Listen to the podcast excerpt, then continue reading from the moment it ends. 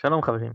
רגע לפני שעוד מעט אנחנו מתחילים להקליט את הפרק, אני רק רוצה לעדכן אתכם שהפודקסייה ביחד עם חברת גיימרס מארגנת כנס פודקאסים עם תוכניה מאוד מעניינת. אז אם אתם זמינים ב-23 במרץ במתחם של מיקרוסופט בלונדון מיניסטור, אתם מוזמנים להירשם לאירוע. אני אהיה גם בבלוג שלי וגם בתקציר ב SoundCloud.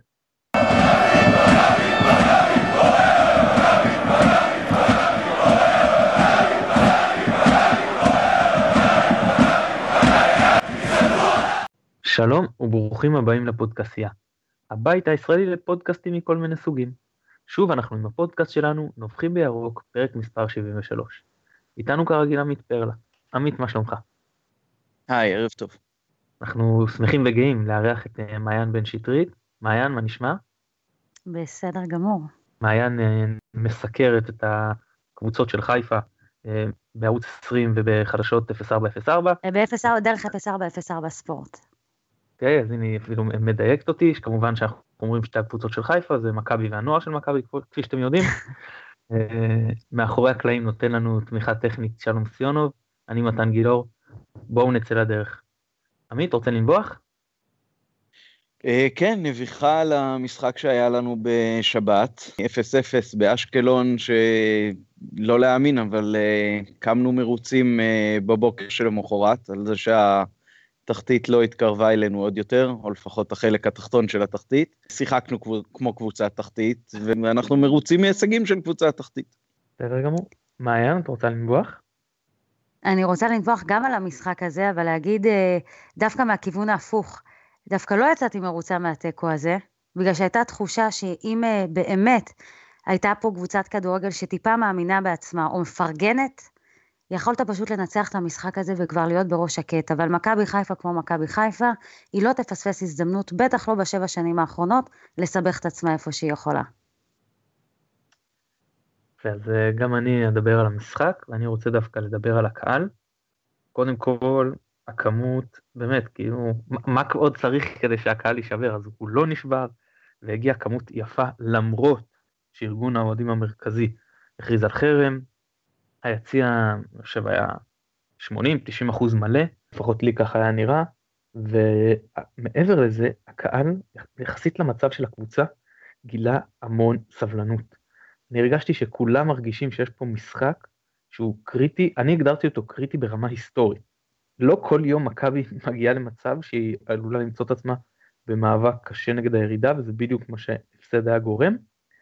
ואני לא אגיד לכם שלא היו שריקות ולא היו קללות, בסדר, כדורגל ויש את זה בכל משחק, לצערנו, אבל uh, סך הכל, בטח לנוכח הרמה המאוד ירודה של המשחק, אז uh, נתנו שם קרדיט גדול, ואני חושב שזה היה חיובי, שגם ככה עם הביטחון השברירי של השחקנים, אה, ידעו לא, not to snap them מה שנקרא, לא, לא להעביר אותם מעבר לקצה, ומילה אפילו טובה אינפרנו אה, ורדה, אני ביקרתי את הארגון הזה לא מעט, גם פה, עדיין יש לי הרבה מאוד ביקורת עליו, אבל הם לקחו את העידוד על עצמם, נכנסו לוואקום, שנה שעברה הם נכנסו לוואקום הזה במשחקים האחרונים עם קללות נוראיות, זה היה פשוט מבחיל, והפעם הם נכנסו עם עידוד ועל זה מגיע להם אה, כל הכבוד. אז אה, עמית, בוא, בוא נתחיל ממך, אנחנו עושים כל שבוע את הדיון הזה, לצערנו, או לפחות לפי דעתי, אי אפשר עדיין להפסיק איתו. עברנו את המשחק, איפה אנחנו בהיבט של אה, האפשרות לירידה? כמו שאנחנו אומרים בכל שבוע, העובדה שהקו האדום לא יתקרב אלינו, זה כבר אה, דבר מעודד, בטח כשנשארו בעצם עד הסיום רק שבעה מחזורים. אה, אני מאוד מאוד חששתי מהמשחק הזה שיגרום לכדור השלג לא רק אה, לגדול אלא גם לצבור תאוצה במורד, אה, ושמחתי מאוד בגלל זה מהתיקו שלא גרם לכך. זה בפירוש לא סוף פסוק, בדיוק כמו שאמרת, אבל עם כל שבוע שעובר, כשהפער נשמר על שני משחקים וחצי, אז למעשה שלושה אולי, אם סופרים גם יחס שערים, אז זה נראה יותר מעודד ו- וקצת מרגיע, ונקווה שעכשיו בפלייאוף התחתון אנחנו נראה שאנחנו לא רק שייכים, אלא גם יודעים uh, לנצל את היתרונות שלנו בפורום הזה. זה יהיה מאוד קשה, תהיה לנו הזדמנות שלישית לנצח את אקו השנה, אה, בליגה, אה, ונקווה שזה יקרה, ושבמהרה העננה הזאת אה, תוסר מעל ראשנו. שנלך, ללכת, שנוכל ללכת לים באמת בראש שקט. מעיין, מכבי יכולה לרדת לדעתך? כן, חד משמעית כן, ולצערי אני גם מרגישה שהיא תרד. זאת אומרת, אני די הימרתי על זה מהרגע שהיא הסתבכה בפלייאוף התחתון, מהסיבה הפשוטה, היא פשוט לא נראית קבוצת כדורגל. ואני יודעת שכולם מעודדים מזה שהנה מי שמתחתנו מפסיד, אז ראיתי אתמול את רעננה, והיא הפסידה לביתר, אבל אם מכבי חיפה הייתה נראית כמו רעננה, אז יכול להיות שהייתי הרבה יותר רגועה, למרות שרעננה שבע נקודות מהפועל אשקלון בעקבות ההפסד אתמול. ועדיין, מכבי חיפה לא נראית כמו קבוצת כדורגל. ומה שהכי מפחיד אותי, אתה יודע, אתה הפסדת פעם אחת להפועל אשקלון, שזה מביך שלעצמו. בפעם השנייה שהבכת, אז מגיע לך כבר להיות בתחתית. אם אתה מפסיד גם בפעם השלישית לעכו, אתה לא ראוי להישאר בליגת העל, באמת. כאילו אין לי יותר מילה להגיד עם כל הצער שבדבר, הקבוצה הזאת פשוט לא מוכיחה אפילו לא שבוע אחד, שהיא יכולה לתת איזשהו שביב של תקווה שבואנה אנחנו נשארים. זה לא רק השם מכבי חיפה, זה גם מי שבמגרש אה, משחק שישאיר אותנו. לצערי אני לא רואה אותם, אה, אני רואה אותם נכנסים ללופ כזה מהפועל עכו, שאולי ייגמר במחזור האחרון נגד אחת הקבוצות הכי טובות בתחתית כיום, הפועל רעננה. טוב, אז אני טיפה יותר אופטימי ממך. אני הייתי, ב... מאוד חששתי מהמשחק בשבת, חשבתי שהפסד שם וממש נהיה להטלת מטבע בסיכויים לרדת ליגה, אבל אה, לא, עכשיו אני חושב שהסיכויים השתפרו. אה, אני חושב שהרבה רוח יצא מהמפרשים של אשקלון, שגם ככה היו במומנטום מאוד שלילי, ועכשיו הם, יד... אני חושב שהם מבינים שהם פספסו הזדמנות גדולה מבחינתם לצמצם את הפער, זה יפגע בהם, ו... אני, אני, לא רואה אותם, אה, אה, או לא בסיכוי גבוה, לוקחים מספיק נקודות כדי אה, לעבור אותנו בפלייאוף התחתון, וגם הסתכלתי על סדר המשחקים, אם נגיע למצב של משחק אחרון בבית מול רעננה, שאני מאמין שעד אז יאבדו את העניין, כי הם לדעתי, אם מישהו מועמד לירידה זה אשקלון, מכבי ואולי גם אשדוד, אני חושב שרעננה למרות שמתחתנו הם לא בדיון, יגיעו כנראה שהמשחק לא חשוב להם, ואני מאמין ש, שאם נצטרך שם אה, נוכל לקחת את הנקודות. אה, אני מאמין שגם השחקנים אה, אולי קצת עלה להם הביטחון מהם, גם הם מבינים את המצב שהם רואים שהתקדמנו עוד צעד, לא הפסדנו, לא ספגנו. אם אתם זוכרים, להבדיל, כי אז עוד היינו במצב הרבה יותר טוב, בעונה האחרונה של אלישע לוי, הגענו אחרי רצף הפסדים, ואז היו שני משחקים, עמית אולי תקן אותי אם אני טועה, אני חושב נגד רמת השרון ונגד סכנין. ואחד מהם אפילו אולי אירחנו את סכנין בבית, והתארחנו אני חושב אצל רמת שרון בראשון לציון, ושני המשחקים הסתיימו ב-0-0. וזה הוציא אותנו מהמשבר, העובדה שלא ספגנו, והיכולת הייתה חלשה. שהצלחנו לעבור משחק בלי להפסיד, ובלי לספוג, הכניס קצת ביטחון למערכת. אני מקווה שאם נצליח ככה לסחוב אפילו עוד משחק בעוד 0-0, אז זה קצת יעלה את הביטחון של ההגנה, שעל זה יקום ויפול הפלייאוף. לא על איזושהי יצירתיות, ולא, זה, לא, זה לא, אנחנו לא רצים לאליפות וגם לא לאירופה. מהבחינה הזו, אה, אני מאמין שעוד משחק כזה וכבר נוכל לשחרר עוד קצת אוויר. אם אני צריך לקחת את ההימור היום, מכבי נשארת בליגה. בואו אני רוצה שנעבור, אה, יש לנו פה, יש תקשורת, אז נעבור לדבר קצת על התקשורת. ובתקשורת אה, יש לא מעט הרס אה, נגד מכבי, שהוא מתבטא גם הרבה בחוסר דיוק, בואכה שקרים, ממש המצאות של ציטוטים, כמו שאמר לנו דקל קינן, וכמו ספציפית, אני בשבוע שעבר תפסתי את שחצקי ממציא ציטוט לא הגיוני, שהוא דיבר על זה, שגורם במכבי אמר שאם מולנסטין הייתה לנו עם אה, עונה גרועה אחרי, או אחרי, סליחה, עם רוני לוי אחרי ההפסד לנומה קליו, ובכל זאת זכינו בסוף בגביע. שמן הסתם ששיחקנו מול נומה קליו רק משום שזכינו בגביע עונה לפני. ואז אחרי זה העורך שינה את הציטוט. עכשיו אם זה ציטוט, אז איך אתה משנה את הציטוט, נכון? אז כנראה שלא היה באמת כזה ציטוט. ולכן אני רוצה לשאול את שניכם משתי הזוויות, אותך מעיין מהזווית התקשורתית ותמיד מהזווית של האוהד, אני אתחיל איתך, איך את מרגישה את זה, האם זה בתור אשת תקשורת? האם את חושבת שאותם כתבים במרכאות כפולות, הם הורסים לכולם ואחרי זה יש חשדות כלפי כל מי שעוסק בתחום? או שזה לא כזה משנה? איך זה בא לידי ביטוי ביום יום, אם בכלל?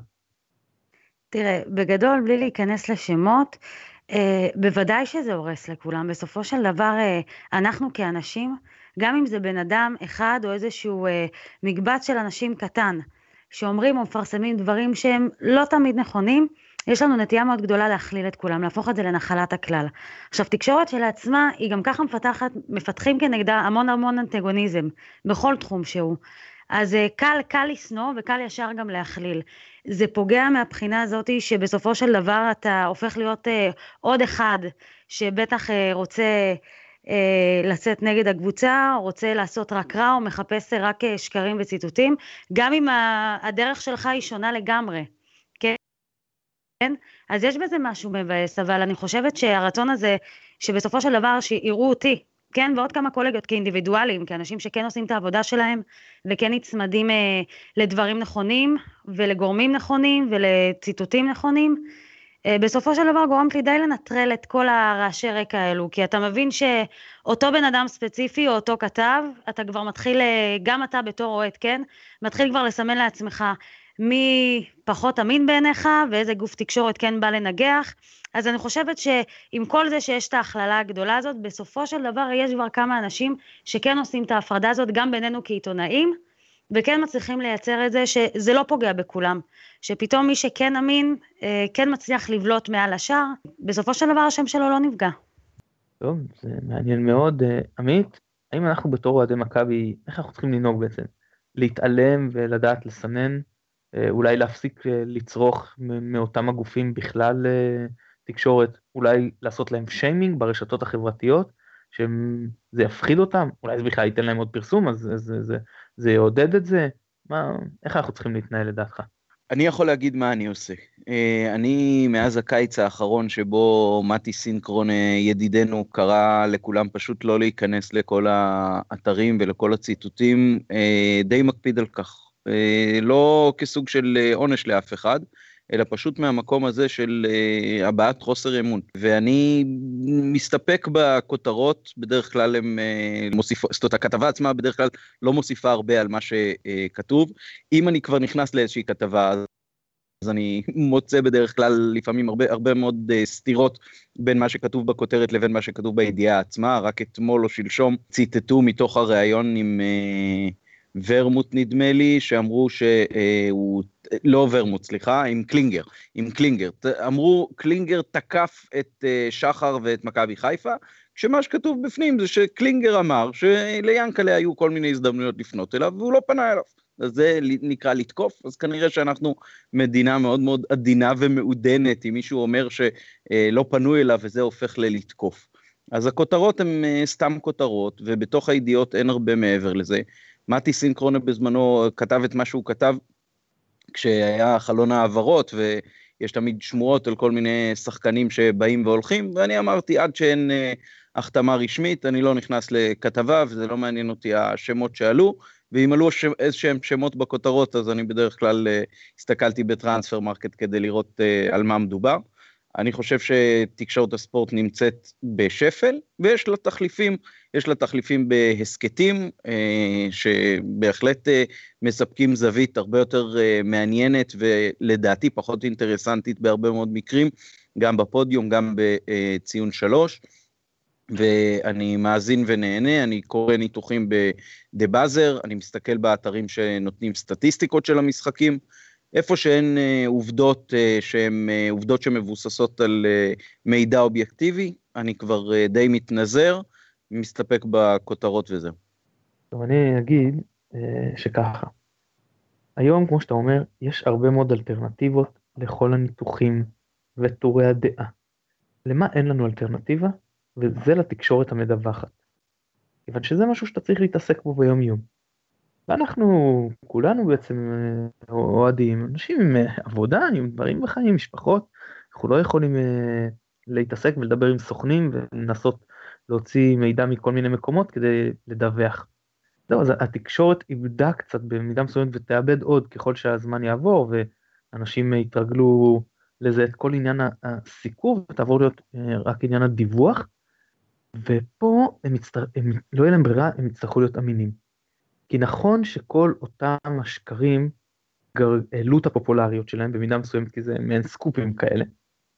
אבל uh, ברגע שאנשים יוכלו לקבל הרבה מאוד uh, מידע ויתרגלו לקבל הרבה מאוד, כל טורי הדעה וכל הניתוחים, כמו שאמרת, סטטיסטיקות בכל מיני אתרים, ובעצם לא, הם, כל מה שהם יצטרכו זה בשביל uh, אותם, אפילו מי יוכתם, שזה יש לנו נגיד מהאתר הרשמי, אז, או במי מתעניינים, או מי באמת אמר, כי אנחנו, ראיינו פה ושם כן את, יצאנו את דקל נגיד וזה, אבל אתה יודע, זה לא דבר שקורה הרבה.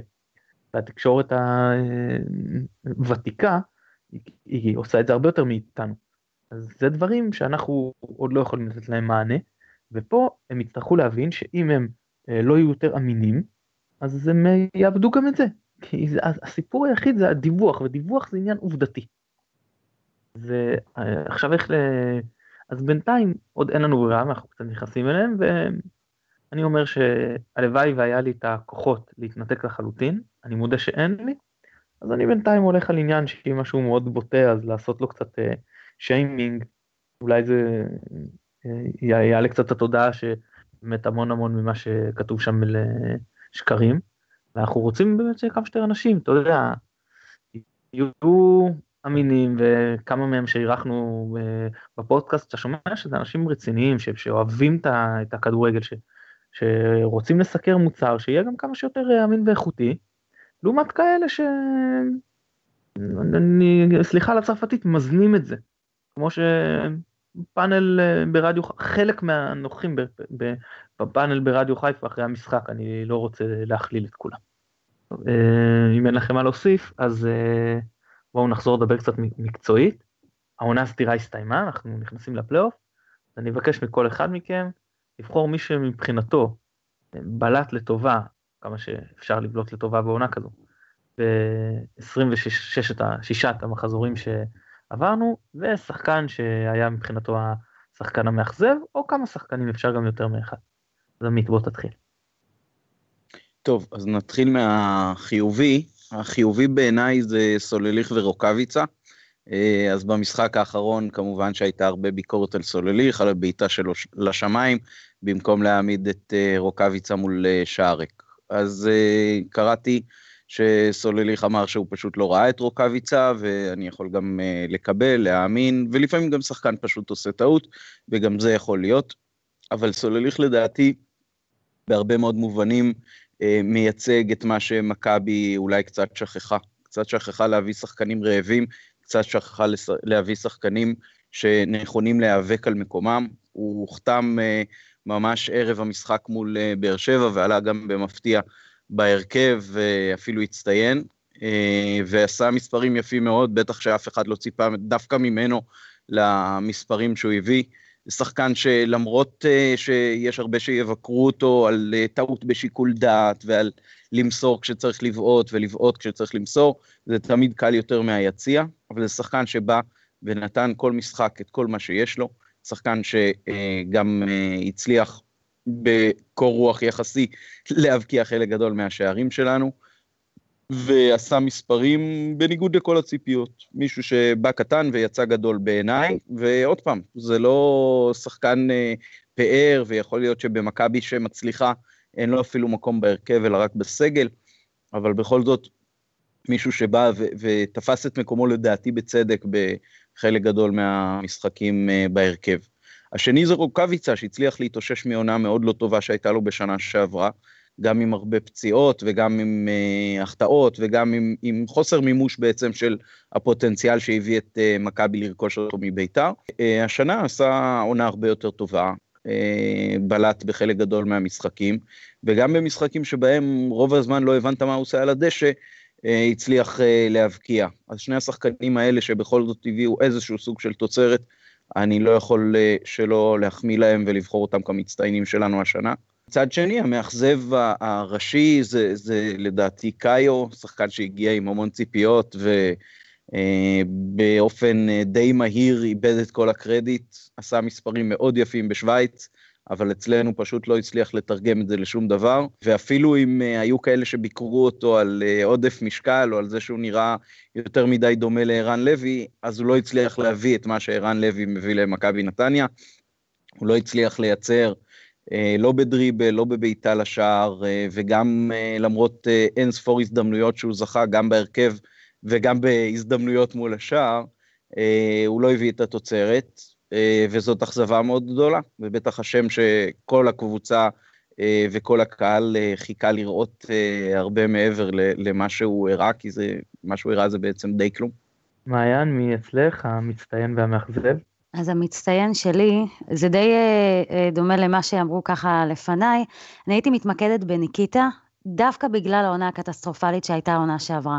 לא רק בגלל שהוא החטיא או שלא הגיע למצבים, הוא גם היה חולה המון, היה לו, אם אני לא טועה, פעמיים אותה דלקת ריאות שהשביתה אותו לאולי מחצית מהעונה. הוא חזר רק נגד הפועל תל אביב, אני זוכרת, ב-2-0 שהכניסו אותו ואת גילי, ומכבי חיפה ניצחה, מחזור 14.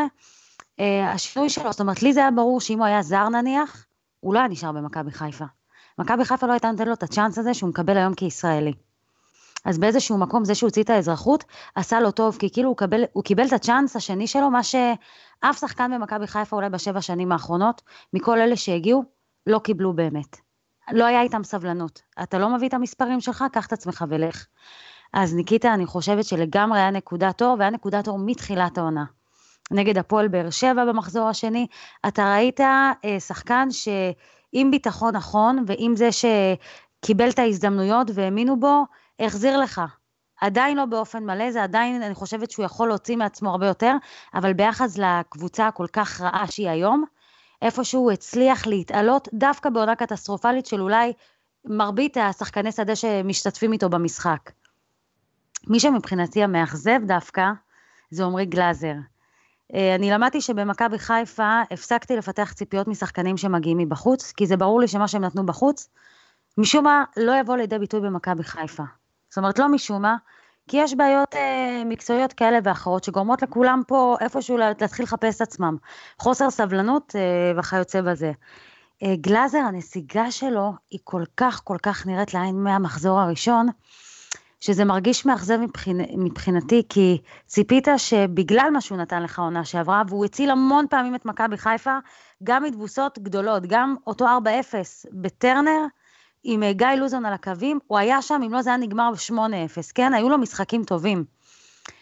ולראות אותו דועך ברמה כזאת ובמצב כזה שהוא מגיע למצב שהוא פשוט איבד את המקום שלו בהרכב. זאת אומרת, הוא תפס הכפפות בגלל שלויטה נמצא, הוא החזיק אותם עד לפני שני מחזורים ובגלל טעות אומללה, אבל טעות שדי שיקפה את העונה שלו. הוא פשוט היה רע לכל אורך הדרך. והוא האכזבה הכי גדולה של העונה, כי עד שאתה כבר הרגשת שאולי מצאת מישהו מכל ה-11 האלה שמתחלפים לך לנגד העיניים כל קיץ, כל ינואר, כל קיץ, כל ינואר, וגם פה פתאום אתה אומר לעצמך, זה כבר לא בטוח, וגם לא בטוח שהוא יישאר עונה הבאה, זאת אומרת, הוא יושאל. מכבי חיפה לא תוותר עליו לגמרי, אבל הוא לא זה שיאייש את העמדה הבכירה במכבי חיפה בשער, וחבל לי. אני חושב שלגבי גלאזר, בלי להתנגח עם מה שאמרת, יש לו איזושהי נסיבה מקלה אחת אה, שבעיניי היא מאוד משמעותית. אה, כמות הזמן שההגנה שלנו, הבלמים והשוער, מחזיקים את הכדור, היא פשוט בלתי נתפסת ולא הגיונית. אה, ואומנם אנחנו מצפים מכל שחקן ל-95 דקות של ריכוז מוחלט לאורך כל המשחק, אבל שחקן הגנה ושוער שאמורים לגעת כל כך הרבה פעמים בכדור, כשכל החלק הקדמי של הקבוצה באיזשהו מקום מתחבא ולא נותן להם את האופציות מסירה, זה פשוט מגדיל סטטיסטית את המספר הזדמנויות שהם יאבדו ריכוז לרגע או ימסרו פס לא טוב. וכשזה קורה כל כך הרבה לאורך כל כך הרבה משחקים של העונה, אז אפשר מבחינה סטטיסטית אפילו לצפות שיהיו פשוט יותר טעויות. אבחר ברשותכם את השניים שלי, אז כמוכם אני אתחיל עם החיובי. אני אגיד רגע מי היו קרובים אבל לא. זה קודם כל דו סנטוס, שהוא התחיל את העונה ממש טוב, ולאחרונה הוא, הידרדר, אני מצטער, הוא פשוט היה במשחקים האחרונים שחקן ההגנה הכי חלש שלנו. זה עצוב מאוד, כי הוא התחיל את העונה באמת מצוין, והיה נראה שהנה, תפסנו פה איזה בלם שכבר גם מכיר את הליגה, ו- ולא צריך להתאקלם פה, ואת השפה ואת התרבות, ואין לו איזשהו קיר שיש הרבה פעמים לזרים שמגיעים. אז זה חבל שהוא ירד ככה ברמה. עם כולם, אני לא מאשים אותו, כי באמת הקבוצה הידרדרה, אבל זה חבל לי. ורוקאביצה. עכשיו רוקאביצה למה לא? כאילו שניכם ציינתם אותו והוא באמת היה הרבה יותר טוב. רוקאביצה הערך שלו זה לא ההשתתפות שהוא עושה במשחק, כמו למשל קהת או סולליך או אזולאי, שאתה, ממש חלק אינטגרלי כל הזמן מהמשחק, אז רוקאביצה אין לו את זה. מה שרוקאביצה יודע לעשות זה לגרום להגנה לקרוס 3-4 פעמים במשחק, ובתקווה שאם אחד מהם, הזדמנות או אחת נכנסת, בין אם שלו, בין אם של שחקן אחר, עקב זה שהוא גרם להגנה לקרוס, אז, אז מכבי יכולה מאוד ליהנות מזה. זה פחות קורה בתקופה האחרונה, הוא גם נחלש, וזה אבסורד כי דווקא עכשיו שיש את אזולאי, שהוא שחקן שכן יודע לנצל את התנועה של רוקאביצה, ושקהת שמשחק בעמדה יותר קדמית, והוא גם שחקן שסוגל לנצל את התנועה, של רוקאביצה, אז דווקא בחודש, בתקופה הזו הוא פחות אה, בא לידי ביטוי. אה, והנה ראינו נגד אה, אשקלון שכן הוא רץ שם עם סולליך ופתח לו שזה מצוין, הריבאונד שהוא היה חייב להכניס אבל הוא לא, התנועה שלו לא גרמה להגנה לקרוס. ואם ראינו את ה... אם אנחנו הולכים אה, חוד, חודשיים אחורה אנחנו רואים שכל משחק פעמיים שלוש ארבע הוא, הוא כן הוא הכניע את ההגנה ו, ו, וזה לא קרה בין אם זה נכנס ובין אם לא. והפעם זה לא, בתקופה האחרונה זה לא קורה. אז סולליך. עכשיו, אה, שוב, זה לא, זה לא מצטיין, זה הכי מניח את הדעת, נקרא לזה ככה, וזה לא טוב שזה המצב. ולמה? כי סולליך הוא שחקן שמסוגל לייצר לעצמו. וזה מכבי, מכבי לא מתפקדת כקבוצה. וכשיש שחקן שמסוגל לייצר לעצמו, אז הוא יכול לעשות לבד, ובמקרה שנופל לו יום טוב, ומסתדר לו, והמגן שמולו לא מסתדר איתו, אז הוא יכול לייצר לנו. אבל אה, כשיטה, אם הדריבליסט בכנף הוא השחקן המצטיין שלך, שוב, המילה מצטיין היא קצת בעייתית פה, אז כנראה שמשהו לא דופק איי איי איי. אמ, הייתי מצפה ממכבי, הנה, היום פורסם, שוב, לכו תדעו כמה אמת, אני לא מאמין שיש בזה יותר מדי אה, אמת, אבל שאלח בונה לבנות את הקבוצה סביב קהת בעונה הבאה. לא יודע מי דיבר איתו, מי יודע, עזבו רגע אם זה נכון או לא. ברמת העיקרון, אם שחקן כמו קהת, שניזון מהקבוצה, הוא שחקן שבולץ לך באופן חיובי, אז אתה מבין שהקבוצה, הדברים דופקים. אם קהת הוא נראה כמו שהוא נראה עונה, אז אתה מבין ש... שלא, זה שחקן שצריך קבוצה. ועוד כמה שחקנים, אני, אני לא בא, ושלא לא יובן שאני פותר את קהת, הוא חד משמעית לא היה מספיק טוב גם uh, בזכות עצמו, אי אפשר uh, להשתמש בקבוצה כקרדום לחפור בו. אבל מי בכל זאת המאכזב שלי? קאיו אמרת וזה ברור, uh, אני בוחר את uh, רמי גרשון. כי אני ראיתי את השחקן הזה, גם כשהוא שיחק בבלגיה, בעיקר במסגרות האירופאיות, הוא היה פנטסטי. הוא בא לנבחרת, הוא היה פנטסטי. ובמכבי, וואו, זו כזו נפילה, זו כזאת אכזבה.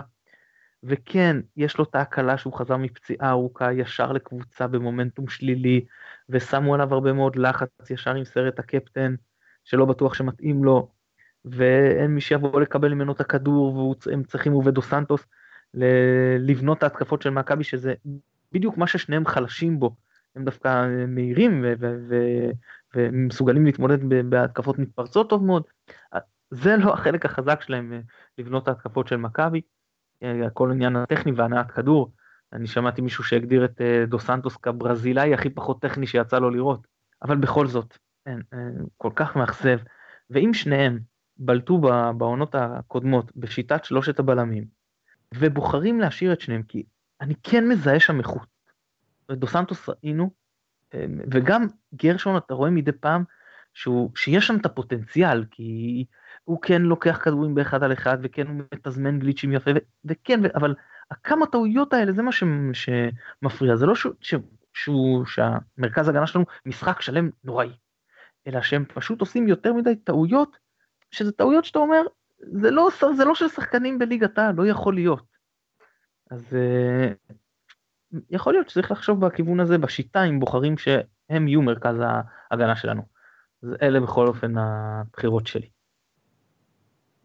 עכשיו אה, מעיין אנחנו נשמח קצת לשמוע ממך, היית אוהדת כמו כולנו ושפתאום עוברת לעמדה תקשורתית, אז א', איך זה לעבור לסקר את מכבי, מה, מה הקונפליקטים שהאדם מול העבודה יוצרים, ונשמח גם תספרי לנו איך זה לסקר יריבה עירונית, אם את מרגישה שהתחושות שלך כלפי הקבוצות השתנו, זאת אומרת, פתאום הפועל, פח... היריבות איתה היא פחות חזקה, כי את מסקרת גם אותה למשל? קונפליקטים תמיד יש, אבל uh, אני חייבת לציין שיש uh, קולגות uh, שיצא לי לעבוד איתם וקרוב אליהם, שהסבירו לי שבהתחלה זה ככה, ומה שאני מרגישה זה בסדר. כי מאוד מאוד קשה לנתק את האוהד שבך. בטח שאתה גדל לתוך זה וגדל בבית כזה, אז פתאום להפוך להיות עיתונאי ולהתחיל לחשוב על זה בצורה מאוד uh, שכלתנית על הקבוצה שלך ולא רגשית, מאוד מאוד קשה לעשות את זה בהתחלה. זה מרגיש לפעמים לפרקים, בטח במצבים כאלה, שזה כמעט בלתי אפשרי. כי יש פעמים שאתה אומר לעצמך, שמע, יש לי אחלה סיפור או אחלה ציטוט, uh, כעיתונאית, ומצד שני האוהדת שלי אומרת, וואו, אבל זה יכול לפגוע כאילו בקבוצה שלי. וזה משהו ששיקול שמן הסתם אה, עם הניסיון שיש לך שאתה צובר, כעיתונאי זה לא משהו שבכלל אמור להיות פקטור, זאת אומרת, יש סיפור תספר. אז קונפליקטים כאלה תמיד uh, מתקיימים, אני מאוד מקווה שבאיזשהו שלב uh, זה כן קצת יגרום לי אולי פחות להיות רגשית עם הקבוצה כמו עכשיו, כי עדיין בכל זאת אני רק שנה וחודשיים בתקשורת, וזה עדיין, אה, זה מרגיש שכל הזמן שיש את המריבה הפנימית הזאת בין האוהדת לעיתונאית, ומה יותר אה, שווה, ומה בעצם אה, הייעוד, להמשיך להיות ביציע כמו אוהדת ולתת לרגש שלי להשתלט, או להתחיל להסתכל על זה טיפה, לקחת צעד אחורה מהיציע, להגיע מיציע עיתונאים ולהסתכל על הקבוצה באור שונה לגמרי, כמו כל עסק שצריך לדפוק, ואם הוא לא דופק אז אתה נותן לו בראש. לשאלה השנייה שלך, כשזה מגיע ליריבה העירונית, אז עוד פעם, כשאתה מגיע מכובע של אוהד, זה תמיד שונה. זאת אומרת, אה, אתה מגיע עם הרבה רגש ומטענים לצד השני. אבל אה, כשאתה נכנס מהכובע של העיתונאי, אז לגמרי אתה יכול להיות אה, מוקסם מהביחד שיש השנה בהפועל, ואתה יכול להסתכל כמה, ש... כמה שהקבוצה הזאת כן מצליחה ולהבין גם למה, ולפרגן להם גם, כי יש על מה לפרגן והרבה, ואתה עושה את ההפרדה הזאת כי בסופו של דבר אתה גם נפגש עם האנשים ב- ביום-יום. אתה נפגש איתם פעם בשבוע במסיבות עיתונאים, אתה חי, אותה, אתה חי איתם, מדבר איתם, אז אה, הם כן מצטיירים באור אחר, זה כבר לא להסתכל על זה בנטו כובע ככובע של אוהד, ומה שהם מצליחים לייצר והאמוציות שזה מוציא ממך, ואם זה אחרי הפסדים בדרבי, ולראות את הצד השני חוגג, כשאתה בבסיס שלך מגיע מהצד השני של העיר. אז מכובע של עיתונאי אתה נטו מסתכל על זה ויכול גם... אה, מה זה ליהנות? אתה לא נהנה מהצלחה של אה, מישהי שהיא לא הקבוצה שלך, כן? אבל uh, אתה לגמרי יכול uh, לפרגן, כן, להסתכל ולהגיד, תקשיבו חבר'ה, יש פה אחלה קבוצה, אחלה חומר שחקנים, ואני גם אמרתי את זה, דרך אגב, אני יודעת שגם התוכנית, uh, הפודקאסט מוקלט, אני לגמרי חושבת שהפועל חיפה תסיים עם תואר העונה, ובצדק. זאת אומרת, אין מצב שהיחידה הזאת שקלינגר גיבש, והם יחידה מתחילת העונה, לא תסיים עם איזשהו תואר ועם איזושהי הנפה של סבבה, אליפות אומרים שזה רחוק מדי, אני כמעט בטוחה שהיא תסיים אז עם גביע המדינה. אין מצב שהחבר'ה האלה שעובדים אחד בשביל השני, מהרגע הראשון שאף אחד לא האמין בהם, במיוחד אחרי גביע הטוטו, שירדו עליהם, והדבר היחידי שהם דאגו להעביר לנו, זה לא ייראה ככה בליגה, זה יהיה שונה לגמרי. וזה היה שונה לגמרי מההתחלה. אה, אני מסתכלת עליהם, להגיד לך את האמת, אה, בסוג של אה, קנאה קטנה, כי יש שם משהו שהוא מאוד נכון ובריא. כאילו, אפרופו ליצור תלכיד אה, ובסיס טוב להמשך, אם הם ידעו לשמור על זה, כעיתונאית אני אומרת לך, יש להם אחלה שחקנים לשנים הבאות גם. זאת אומרת, הם, הם תפסו את השלט שלהם, משהו שמכבי כבר שבע שנים לא מצליחה לעשות. אם אה, הפועל תזכה בתואר, ההסכת הזה ישקול את המשך אה, עבודתו. אנחנו, עם זה, עם זה יהיה קשה לנו להתמודד.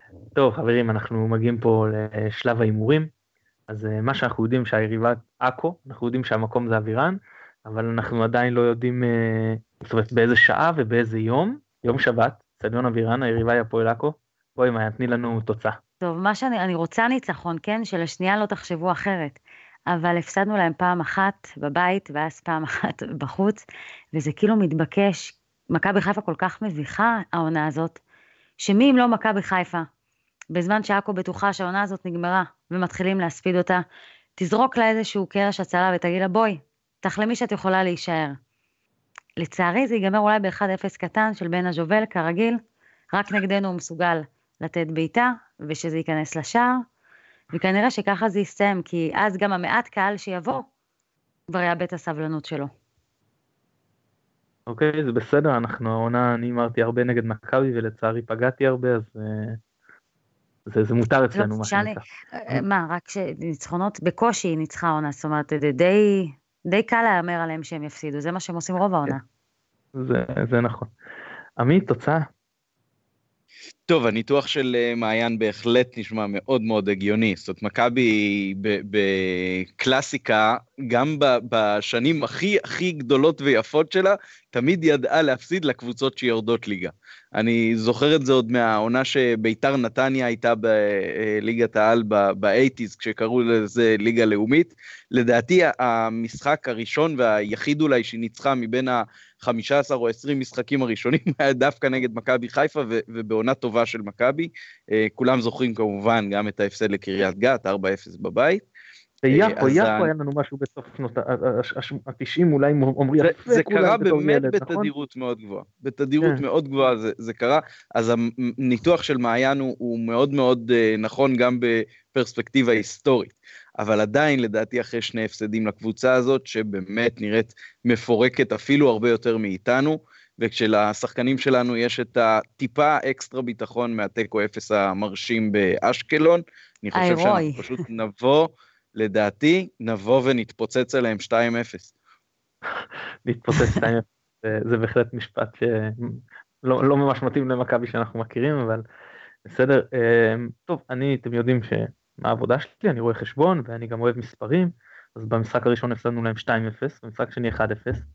וההיגיון הזה 0-0, אז אני ממשיך עם ההימור שלי שאם פגעתי באשקלון 0-0, גם הפעם יהיה 0-0 אה, חלש בדרך להישארות של מכבי בליגה. אתה אומר שהטירוף של מכבי ימשיך. כן. המון המון תודה שהתארחת אצלנו, היה ממש כיף. היה, גם לי היה מאוד מאוד כיף, שמחתי. עמית, כרגיל תענוג. אה, גם לי, ותודה רבה למעיין, בהחלט אה, מבחינתי קנתה מנוי גם לעונה הבאה. תודה לכם. אנחנו שוב נודה לשלום סיונוב שנותן לנו את התמיכה הטכנית מאחורי הקלעים. אני מתן גילאור. תודה רבה שהאזנתם. ביי ביי.